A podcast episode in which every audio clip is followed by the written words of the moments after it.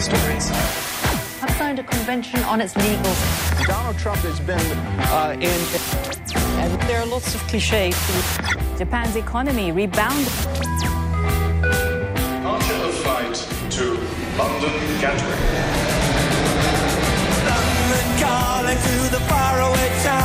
John Carlin, bon dia i bona hora.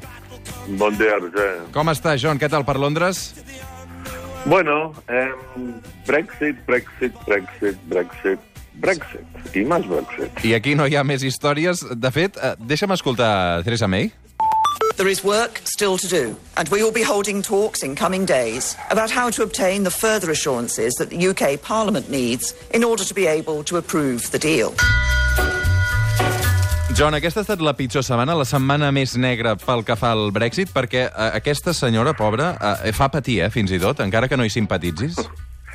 No sé, no sé. Bueno, lo, lo, que me temo es que hay semanas más negras por delante que esta. Pero, mira, eh, Teresa May sobrevivió el, el, el voto y, y aunque la gente que estaba en contra de ella pretende decir que el margen no fue tan amplio, pues mira, fueron 200 votos de sus diputados, ¿no? parlamentarios contra 117 y o sea, la buena noticia que hay que hay que buscar algo bueno pues, entre, entre, tan- entre tanta confusión y, caos eh, es que la, lo- los, los, los perros rabiosos de la de la derecha brexitera se van a tener que volver a meter en sus en sus jaulas y no tienen opción de, de intentar em, conseguir el liderazgo del, del partido y de imponer uno de sus personajes como primer ministro.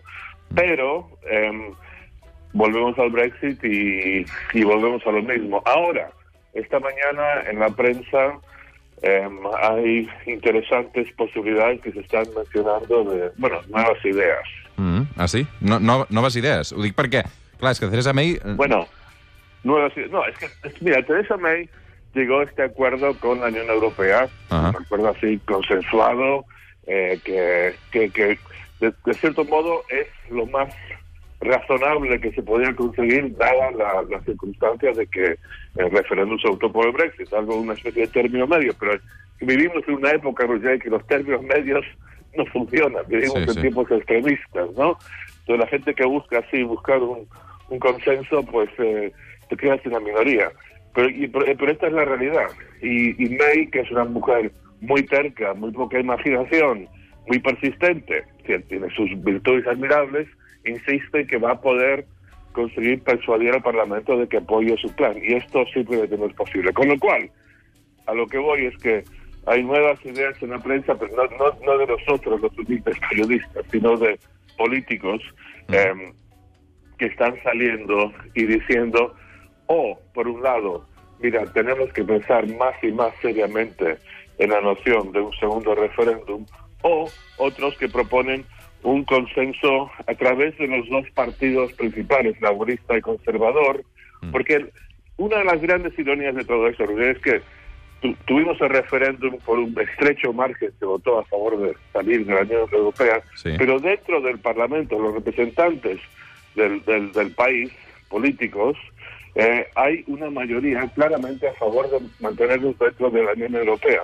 Entonces, se habla de que como estamos en un momento de crisis nacional, básicamente, que lo que hay que hacer es que lo- los, la gente moderada y sensata, racional de ambos partidos se debe unir y o apoyar un segundo referéndum o directamente de olvidar el Brexit y ya está y, y olvidar esta pesadilla. Mm -hmm. um, John, uh, hem d'anar acabant. Només una última pregunta.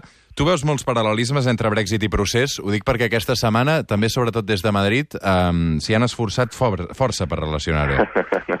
Bueno, mira, hay ciertos parecidos, hay muchísimas cosas que son diferentes y no, no vale la pena mencionarlos, son tan obvios. Cosas parecidas, bueno, en el caso de que hubiera eh, mañana una independencia catalana, eh, Cataluña está al mismo lío que Gran Bretaña, fuera de la Unión Europea, para empezar.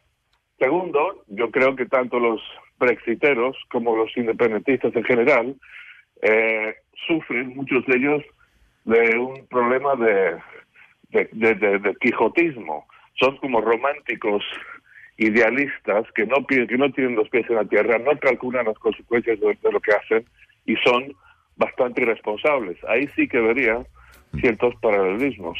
Mm. Doncs aquest és el diagnòstic del, del John Carlin. Um, John, ho hem de deixar aquí. Per cert, eh, s'acosta Nadal. Vosaltres aquí a Londres mengeu torrons o no? No, bueno, eh, no, Nadal estaré en eh, Madrid con mi, con mi familia. Ah, o sigui, has canviat Barcelona per Madrid ara, últimament? No, no, no, no, Ah, no, no, ah. no, no, no, no, no, yo tengo mi, mi, mi familia, yo me llamo John Carlin de la Torre. Sí. Y los de la Torres viven en Madrid, Ah. incluyendo mi madre, y yo paso Navidades Mm. en Madrid desde que tengo uso de la razón. Doncs així podràs menjar torrons Tienes tranquil. Et deixaran menjar torrons tranquil a Madrid, en principi. Sí, exacto. Bueno, tranquilo, no sé. El tio, el tio no sé, el tio, el tio, el tio no, no sé si... El, no, no, no crec que el cagueu vosaltres allà a Madrid. L'has l'has cagat mai, el tio, tu, John? Mira, eh, eh, dices tranquilo, o sea, si, si yo quiero pasar unas navidades tranquilas en Madrid, la clave no es el turrón, la clave es no hablar de Cataluña. Molta sort, John Carlin. Una abraçada. Una abrazada. Una abraçada ben forta.